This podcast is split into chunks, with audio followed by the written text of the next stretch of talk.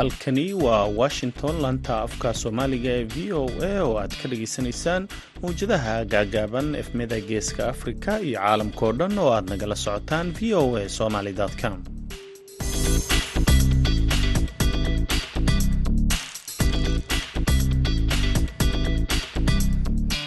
Duhur wanaagsan dhegaystayaal waa maalin axad ah bisha agost ee sanadka kana waa afar iyo toban saacadda afrikada bari waxa ay tilmaamaysaa kowdii iyo barkii duhurnimo. Idaacadda duhurnimo ee barnaamijka dhallinyarada maantana waxaa idinla socodsiinaya anigoo ah cabdulqaadir maxamed samakaab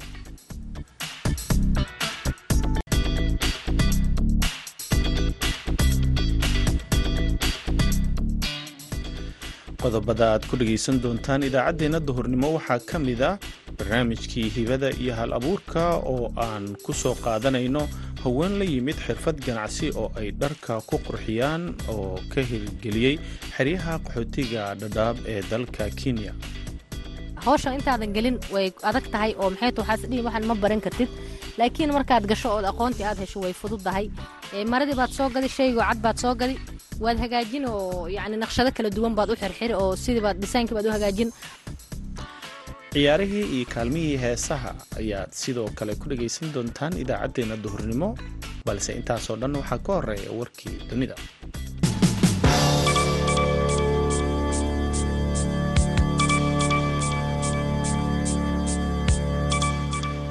ukrein ayaa bartilmaameedsanaysa ama bartilmaameedka koowaad ka dhiganaysa ciidamada ruushka ee toogashada ka geysta ama dhufays ay ka dagaalamaan ka dhiganaya warshada ugu weyn yurub ee samaysa tamarta nukliyerka madaxweynaha ukrein valadimir zelenski ayaa sheegay in askari kasta oo ruush ah oo xabad la dhaco daboolka haamaha nukliyerka uu bartilmaameed gaara u noqonayo ciidamada sirdoonka ee ukrein zelenski wax faahfaahin intaa dheer kama uusan bixinin isagoo ku eedeeyey ruushka in warshadda uu isticmaalay saldhig dagaal.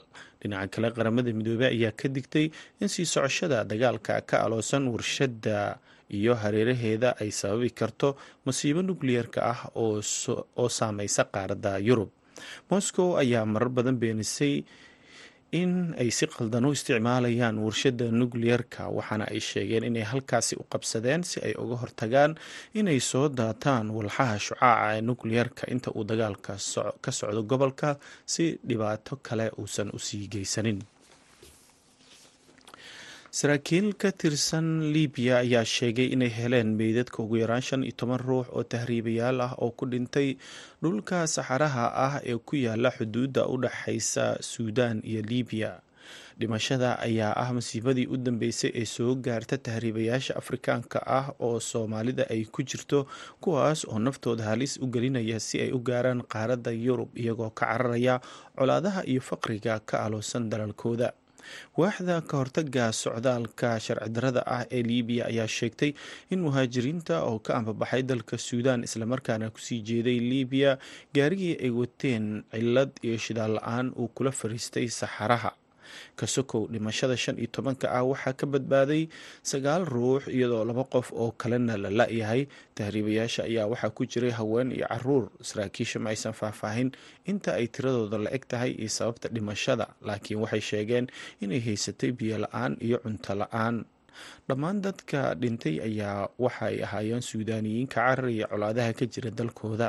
Kumanaan tahriibayaal ah ayaa sanad kasta ku dhinta ama lagu waayaa safarada halista ah ay ku marayaan dhulka saxaraha iyo badda mediteraneanka taasoo qaramada midoobey ay sheegtay inay sii kordhayaan. Dhageystayaal warkeenii dunidana waa naga intaa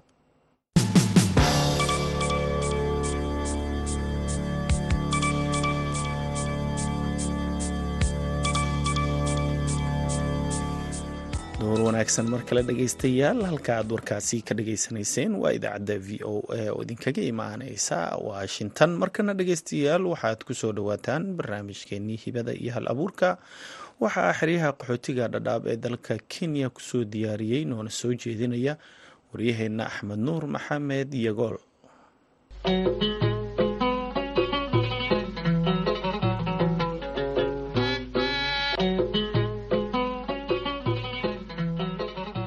kulan wanaagsan dhegaystayaal ku soo dhowaada waa mar kale iyo barnaamijkii hibada iyo hal abuurka anigoo axmed nuur maxamed cabdulaahi yogol ayaa idinla socotiinaya toddobaadkan. Waxaan barnaamijka ku eegaynaa hibada iyo halabuurka dhallinyarada ku nool xeryaha qaxootiga ee dhadhaab oo qaarkood la imaaday hal abuur dhanka ganacsiga ah. Barnaamijkana waxaa toddobaadkan marti iigu ah canab geedi maxamed oo ka mid a dhallinyarada soomaaliyeed ee ku nool xerooyinka qaxootiga ee dhadhaab canab marka hore ku soo dhowo asalaamu calaykum waraxmatullaahi wabarakaatu waan ku dhowahay waxaana u mahad celinayaa v o a.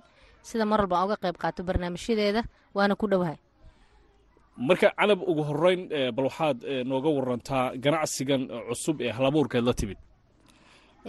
Ganacsigan cusub ee hal abuurka aan la imid waa mid in muddaba aan waday oo marka hore laigu tababaray waxaa igu tababaray haayado hay'ad la dhaho d r c baa tababar isiisay marka runtii aad baan uga faa'iidaystay waan ku shaqaystaa nolol maalmeedkeedana waxyaabo badanay ka badashay. Waxaa ka mid a shaqooyinka aan ku qabsado maryaan hagaajiyaa oo aan kariyaa maryihii markaan kariyo waan dhiibaa ama waxaan ka dhex gataa kaamka dhexdiisa ama meelo kale aan u dhiibaa. Marka waa ganacsi aad u wanaagsan. Marka canab maxay tahay markii ugu horreysay ee waxyaabaha kugu dhaliyey halabuurkan ganacsiga ee dhanka riijiyeynta dharka iyo weliba inaad ka ganacsatood qaybaha kale dalkan kenya aad geyso waxaa igu dhaliyay maadaama yacni aan qof hooyo qaxooti aan ahay ilmo badanna ay sugayaan nolosha xeryahan ay iska adkaatay oo raashinkii waxyaabihii o dhan ay iska yaraadeen. Waxaan ku fikiray inaan xirfad aan aniga aan hadhow ka faa'iidaysan karo mustaqbalka aan barto. Waan bartay taasoo aan ka faa'iidaystay oo nolosheedan wax badan ka bedashay oo aan ku shaqaysto oo maxay to aan meelo badan u kala dhiibo. Sida xataa marmar waxaa dhaca dad waxaa jira dibadaha ka imaado haddii aan jaanis u helo ama i yeelaan xaggaan u dhiibtaa meeshaasoo inta ka lacag badan marka taasaa igu dhiirigelisay inaan hal abuurkan aan sameeyo. Marka ugu horeyn halkeebaad ka bilowday hal abuurkan dhanka ganacsiga? Waxaan ka bilaabay marka hore horta wuxuu ahaa tababar la isiiyey oo isiisa hay'adda d r c. Tababarkii markaan bogay kadib aniga oo jeebkayga bilowday oo suuqan ka soo qaatay alaabo dayn ah waan sameeyey waan diray waxbaa iiga soo baxay adigo waan isku celceliyey tiibaa marka hadda maxay to ii fududaysa mar walba inaan ku shaqaysto hal abuurkan ama xirfaddan aniga aan leeyahay. Canab way adag tahay qof dhallinyaro ah oo jooga xerooyinkan qaxootiga dhadhaab islamarkaana ilma ay la xiriiraan inuu la imaado hal abuurkan dhanka ganacsiga ee ku saabsan dhar la riinjeynayo kadibna laga ganacsanayo. Marka intii aadan bilaabin maxaad ka aaminsanayd shaqadan? Wallaahi intii aanan bilaabin waxaan ka aaminsanaa inay shaqo adag tahay oo aanan qaban karin oo aanan waqti u heli doonin laakiin markaan haddana fiiriyo duruufaha iyo waxa ka jira xeryaha iyo nolosha adag waxay igu kaliftay oo hooyana aan ahay oo la isugaayo oo caanihii wax walba liga rabo. Magaaladana shaqo ayna lahayn noloshin ay adkaatay. Danta waxay igu qasabtay inaan barto taasoo haddana aan ka faa'iido oonan ku khasaarin oo waxyaabo badan nolosheeda ka bedelay marka cana markii laga tago qoyskaaga ma jiraan dad kale oo markaasi ku tiirsan hal abuurkan ganacsiga ama tababar aad sii siisay si iyaguna markaasi hal abuurkan oo kale ay markaasi oola yimaadaan haa way jiraan dad aan tababar siisay. Haddaan wadaa tababarka ilmo waxaa jira iskuullada ka haray dhalinyar iskuullada ka haray oo iskuullada aan dhiganin oo gabdho u badan ayaan hadda tababaraa ilaa sideed kuwa wax baan ka helaa kuwa naftirkood hay'adahan u tababaraayo. Hay'adda aniga tababarta naftirkeed baa hadda kontraktay isiiso haddana aan dadku u sii tababaraa. Marka arrin aad aan ugu faraxsanahay waay oo nolosheeda wax badan ka bedashay dhalinyaro badanna ay ka faa'iidaysteen oo ayaga naftirkood hadda ay ku shaqaystaan oo noloshooda wax badan ka bedashay marka tusaale ahaan oo kale canab dadka ku dhegaysanayoo kale markii aad rabtay inaad dhar midabkay ahaa inaad ka badasho ama rinjiyen aad samayso qaabkeed u martaa? Waxaa waaye horta howshan intaadan gelin way adag tahay oo maxay ta waxaas dhihi waxaan ma baran kartid. Laakiin markaad gasho ood aqoontii aad hesho way fududdahay maradii baad soo gadi shaygoo cad baad soo gadi. Waad hagaajin oo yacni naqshado kala duwan baad u xirxiri oo sidii baad dhisaankii baad u hagaajin. Marka inkastoo uu leeyahay saameyn oo yacni waxan chemical ay tahay oo laga yaaba hadda dhow mustaqbalka dambe inuu saameyn kuu keeno laakiin haddii haddiiba duruufta iyo danta ee adkaatay wax walba waad geli si aad nolol maalmeedkaaga u hesho marka wixii markaad keento ood xirxirto ood hagaajiso kadib biyihii iyo wixii baad karini oo dabka saari kadib wixii baad isku dari maradii hadda caddayd oo mara cadoo kafan camal ahayd waxay ku soo baxaysaa naqshad kale ama maro qurux badan si baad marka ku suuq geynayso oad ku gaday haddana hadhow xeradan qaxootiga oo kale way adag tahay dhanka nolosha. Waxaan ognahay inay ku adag tahay qofka xitaa inuu dhaqdhaqaaq dhanka ganacsiga uu sameeyo.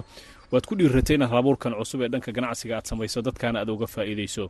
Tusaale ahaan waxaa jira dad iyagu aan weli ku dhiiranin halabuurkan dhanka ganacsiga. Ka warran dadkaas.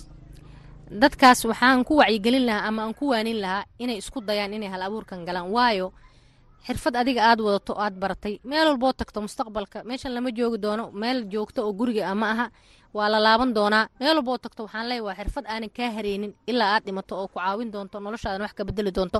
Waana xirfad aanan lagu kontroolin hadda sida hayad markaad ka shaqeyso oo kale waa lagu kontrooli maxaad u imaan weysa maxaad saa laakiin tan waa xirfadaadii oo markaad doontan waad hagaajisan. Markaad ka daashana waad iska nasan.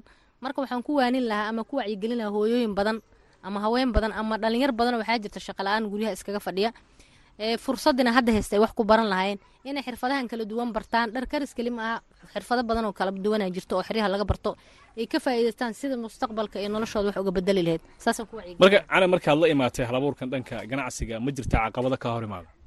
Caqabada iga hor imaaday way jirtaa haa oo maxay aheeto marmar waxaa dhacdaba alaabtii xirfadii waad leedahay waxaa macquula alaabti inaabad helin rinjig inaabad helin annagii qaxooti baan nahoo bannaankii ma u bixi karno sharci ma haysano ma doonan karno.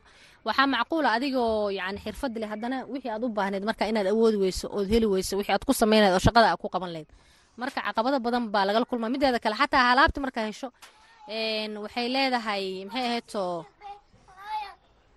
waxay leedahay maxay aheeto caqabado badan waxay leedahay chemical waa wixii waxaa laga yaabaa inay kuu keento hadhow dhib waxyaabo badanaa laga kulmaa. Marka markii wax la galo caqabadna way leeda faa'iidana way leeda dhexda u xirato inaad ka faa'iidaysato. Caqabadna way leeda faa'iidana way leeda caqabadaha alla kulanna waxaa ka mid ah khaasatan dadkeena ku nool kaambiyada xeryaha dhadhaab. Dad sharci haysto maanta waxay rabaan soo gadan kara ma nihin. Dad waxaana xero ku oodan. Waxaa laga yaabaa wixii maanta aan intaasoo shay in laga dalbado oo intii designkii la arko youtube ama maxay intaad geliso wixii la arko lagaa dalbado. Haddana rinjiga ku hagaajin lahayd inaad weyso oo sharciga aad ku doonan lahaydna aana lahayn waxaa laga yaabaa chemicalkii aad isticmaashay caanoo kale waxyaabo loo isticmaalay inaad awood u hen inaad gadato. Sababtoo wixii ka soo baxay ilmaha sugayo lagu biilaaya marka wax walba caqabadna way leeda faa'iidana way leeda marka waxaan ku dhiirigelin lahaa dhalinyarta iyo haweenka shaqa la'aanta inay xirfadahaas ka faa'iidaystaan sida mustaqbalka noloshooda ay wax uga bedesho sida aniga canab ganacsigaaga ama halabuurkan dhanka ganacsigeed la imaatay sidoo kale waxaa qayb ka qaatay inaad baraha bulshada aad ku shaacayso si dad fara badan ay u arkaan. Marka laga taga dadka ku sugan gudaha xerooyinka qaybo ka mid a dalkan kenya laga arkaa iyo sidoo kale dibadda. Marka maxay kaa caawisaa arrintan?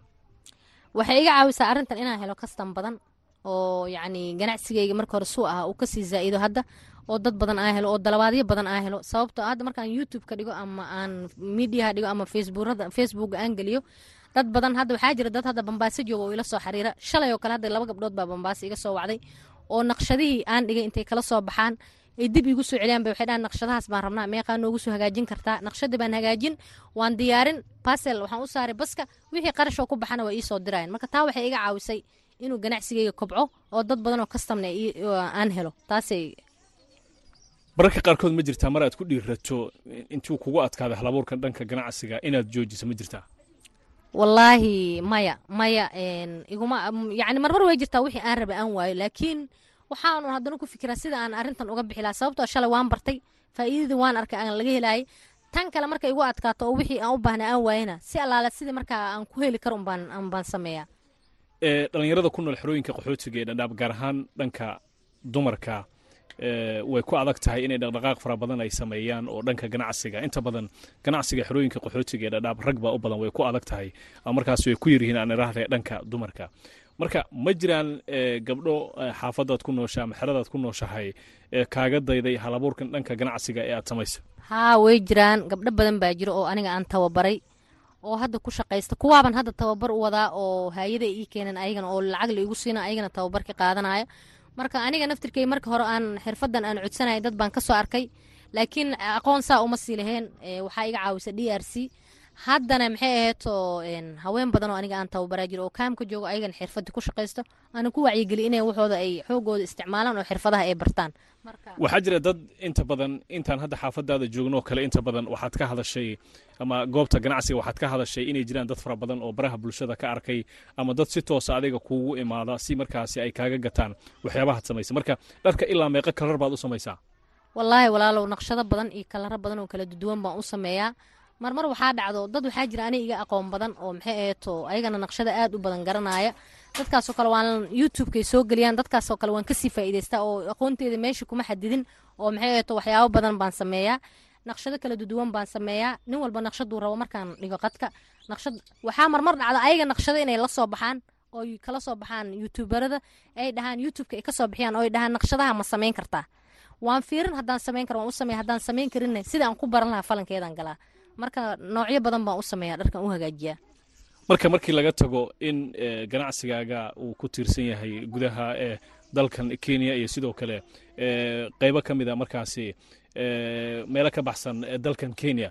Marka ma jiraan weli dad goobahaas meelo ka baxsan kaala soo xiriiraya si markaasi ay uga faa'iidaystaan ganacsigaaga way jiraan ha dad badanaa ila soo xiriiray oo dhaheen waxaan rabnaa inaan barano oo yacni fideoyada aan dhigo youtubeka ka faa'iidaysto oo su'aalo iga soo weydiiyo qaarkood i dhaheen waan ku imaanaynaa oo inaan barnaa rabnaa meeqaad nagu bari meeqa qarash nagu baxaaya. Marka dad badan baa ila soo xiriiray oo raba inay ka faa'iidaystaan xirfadan marka weli waxaan ku guda jirnaa barnaamijkeenii hibadii halabuurka. Mid ka mid a dhallinyarada ku nool xerooyinka qaxootiga ee dhadhaab ayaa waxay la imaatay halabuur cusub oo dhanka ganacsiga gaar ahaan dhanka dharka oo qaybaha kala duwan ee dharka ayay riinjiyeysaa iyadoo ganacsigeeda sida ay sheegto uu ku tiirsan yahay gudaha xerooyinka gudaha dalka iyo weliba sidoo kale meelo ka baxsan mararka qaarkood ay fursad u hesho.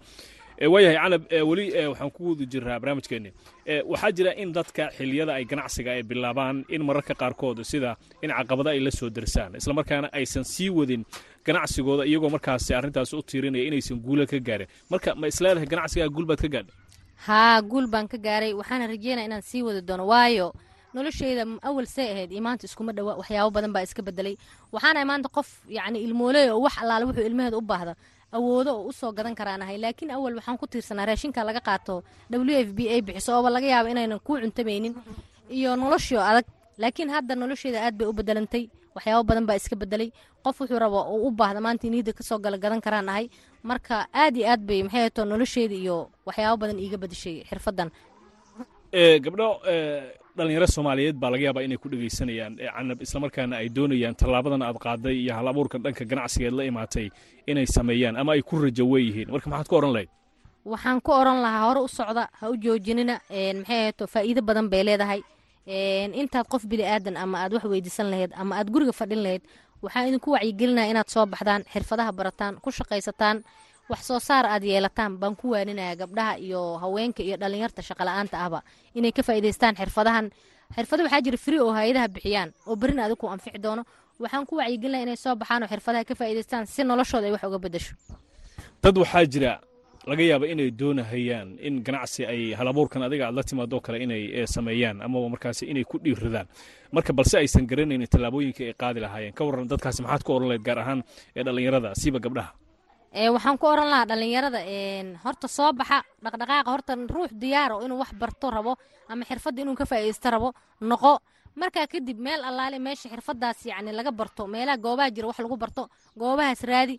Haddii aadan raadin karin xataa ila soo xiriir waan kaa caawin. Marka waxaan ku wacyigelin lahaa oo dhallinyarta ku nool dhadhaab oo shaqala-aanta ah inay xirfadaha kala duwan ka faa'iidaystaan.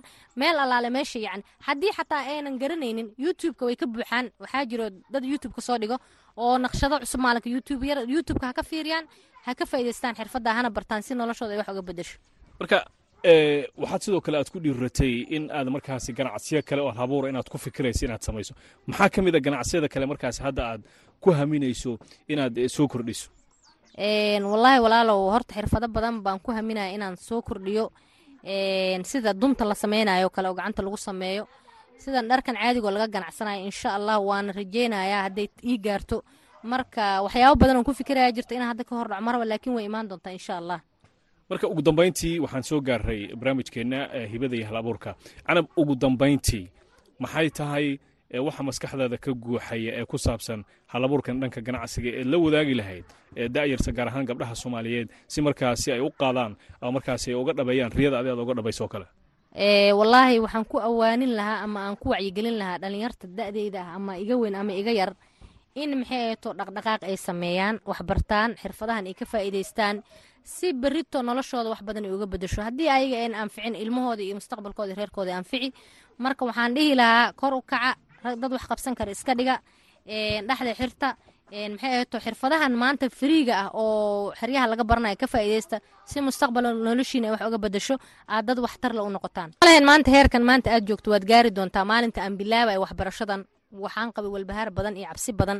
Laakiin alxamdulilah ilahay baan u mahad celinayaa shalay meeshaan ka soo bilaabay maanta iskuma dhowin dhib badan iyo silac badan iyo rafaad badan iyo yacni naqshadii maanta la itusay toban beri anoo ku noqnoqday waa isoo martay. Laakiin alxamdulilah ilahi baa mahad iskale wixii o dhan waan ka baxay. Naag maanta waxaan ahay yacni gacanteeda wax walba ku samaysanaysa oo weliba dad sii barayso. Marka waxaan ku dhiirigelin lahaa wax aan loo rafaadin ama aan loo silcin lama helo. Waxaan dhihi lahaa dhalinyarta kaca fadhiga ka kaca wax barta xirfadahan ka faa'iidaysta. Ha niyad jebina maanta markaa wixii baran weysa hasdhihin waxan ma gaari kartid maxay waad gaaraysaa? Mustaqbalka waa laga laaban doonaa meeshan.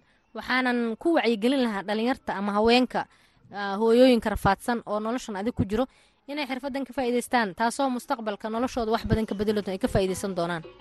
Cana ma rajaynaysaa mustaqbalka inaad ka qayb gasho tartanada dhanka ganacsiga ee daayarta waan rajeynaya insha allah waan rajeynaya inaan ka qayb galo waana ku haweyna hadduu ilaah yira insha allah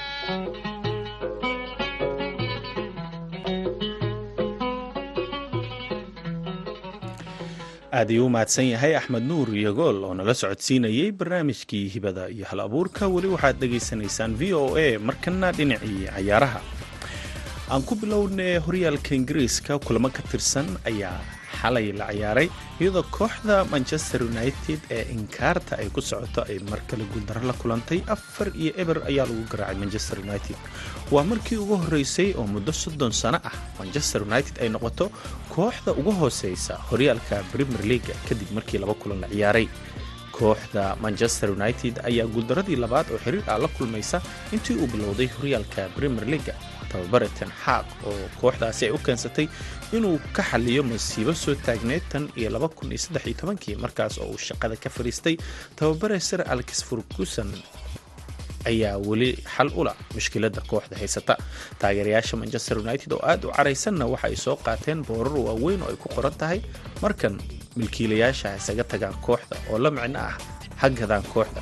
Markii hore taageerayaasha ayaa ku mudaaharad jiray tababarayaasha laakiin hadda sheekada waa ka duwan tahay sidii hore oo waxa ay leeyihiin milkiilayaasha kooxdan ha iska iibiyaan haddii aysan kooxda u samaynaynin waxa ay markaasi ka helaan ama ay maalgelinayn sidoo kale kooxda nimanka iskale reer gareeser ayaa lagu eedeeyey inay keliya faa'iidada ka qaataan laakiin kooxda aysan maalgelin ku samaynin sida kooxaha manchester city b s g iyo weliba chelsea oo kale afar iyo eber branfor ayaa ku garaacday kulamada kale ee la ciyaaray ee ka tirsan horyaalka premier league. Waxaa ka mid ah kooxda arsenal oo afar gool iyo laba ku garaacday. Kooxda leicester city manchester cityna waxa ay muujisay inay tahay kooxda difaacanaysa horyaalka waxaana ay markaasi ay ka badisay ayaa la dhihi karaa. Aanraahdee kooxda manchester city waxa ay garaacday kooxda bournemouth. Scott barker ayaana guuldaro la kulmay wolves iyo fulham eber iyo eber ay ku kala baxeen. Brandford waxa ay manchester united afar iyo eber ku garaacday. Maanta kulamada dhacaya waxaa ka mid ah chelsea iyo tottenham ayaa is arki doona. London ayay ka wada dhisan yihiin. Xafiltan weyn ayaa ka dhexeeya labadan kooxoodba waxaa moodaa in ay xoogaa issoo yaro xoojiyeen rahiim starlin ayay soo gateen kooxda chelsea. Halka kooxda tottenhamna tababare antonio conte uu dib u habeen ku sameeyey liverpool berita ayay ciyaari doontaa dhinaca la liigana kooxda kubadda cagta ac milan ayaa guul ku bilaabatay shalay kadib markii ay garaaceen. Kooxdii markaasi kulanka ugu horreeyay ay la yeesheen ee udaneza afar iyo laba ayay ac milan ku garaacday. Udaneza inter milan ayaase jawaab kale bixisay oo labiiyo hal uga badisay kooxda lecha sidoo kale waxaa wada ciyaaray torino iyo kooxda kale ee monza labiiyo hal waxaa ku badisay torino samdoria oo gurigeeda joogtana atlanta ayaa labiyo eber ku garaacday. Maanta kulamo ayaa dhici doona waxaana ka mid a kan u dhexeeya kooxaha roma iyo salonitana tababare hoose murinoho oo roomo wata ayaana waxa u muuqda in kooxdiisa uu dhiig cusub ku soo shibay. Waxaa ka dhex muuqan doona matij debala iyo weliba wijnaladom kuwaas oo uu kooxdiisa ku soo adkeeyey murino ayaa sannadkii hore ku guulaystay koobka european confederation cop laakiin sanadkan waxa uu doonayaa inuu u dagaalamo horyaalka seriaga yuventus waxa ay la ciyaari doontaa anrahde lazio iyo bolonya ayaa isku aadan. Sidoo kale specia iyo imboli ayaa is arkaya. Juventusna sisolo ayay ku aadan tahay. Horyaalka laliga ee dalka sbain haddii aan aadnana kooxda barcelona ayaa ku furatay barbaro eber iyo eber ah. Kadib markii calaamadda casaanka uu ku qaatay kabtankooda sergi bosket rio volcano ayay la ciyaareen barcelona kulankaasina guuldaro ayay ka badbaadeen. Sidoo kale susuna waxay labii hal oga badisay kooxda sevilla. Kooxda kale ee saltavigana laba iyo laba isla dhaaf waayeen sbanyol villadolid iyo villareal oo wada ciyaarina saddex iyo eber waxaa ku badisay kooxda villareal kulamo ka tirsan la liiga ayaa la ciyaaraya maanta. Kooxda cadis iyo real sociedad ayaa wada ciyaaraya. Valencia iyo girona ayaa isku aadan. Armeniana waxay la ciyaaraysaa boqorada la liigaha ee real madrid taas oo sannadkii la soo dhaafay waxdare ka dhigtay qaaradda yurub. Atletico madrid iyo mayorka brit ayay wada ciyaari doonaan. Khetaaf iyo atletico madrid ayaa sidoo kale ka mid ah kulamada toddobaadka la ciyaari doona kulanka u dambeeyana wuxuu dhex marayaa real batis iyo kooxda kale ee ilja natiijooyinka kulamadan waan idiin soo gudbin doonaa iyadoo laba toddobaad uu ka harsan yahay suuqa kale iibsigana wararkeena dambe ayaad ku maqli doontaan. Markanna waxaad ku soo dhowaataan kaalmihii heesaha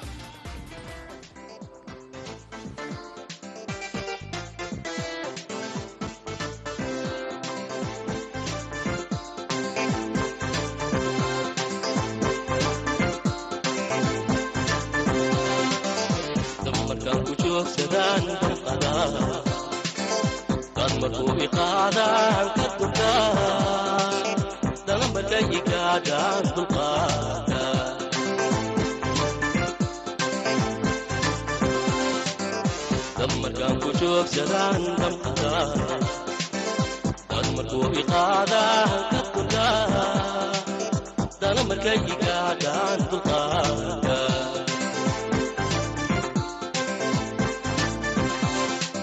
oqoni hadal madayse markaytaanu hidaabtaan daba orda dala markay idaysaan daba kala.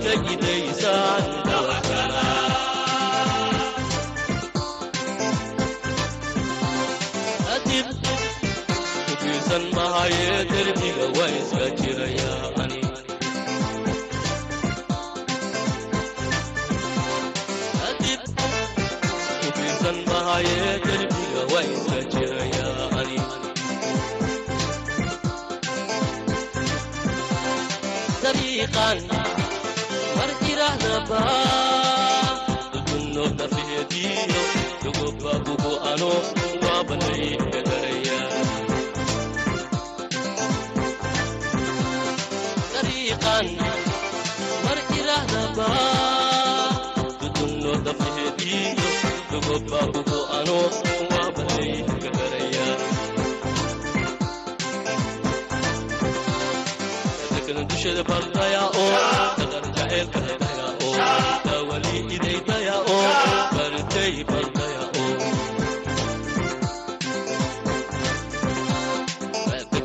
daqar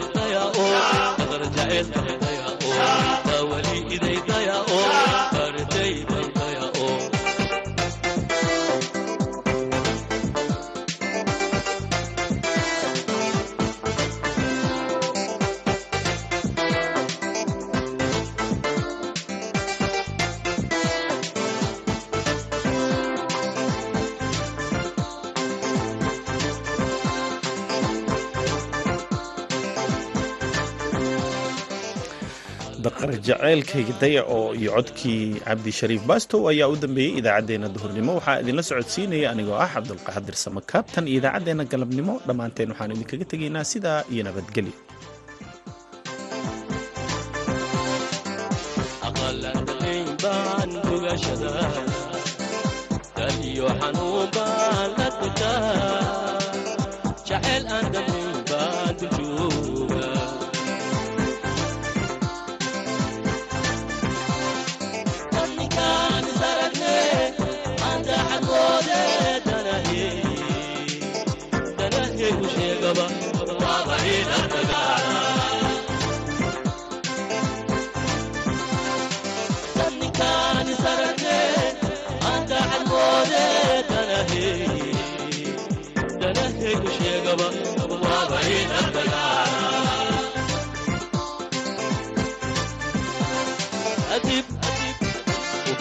mahaye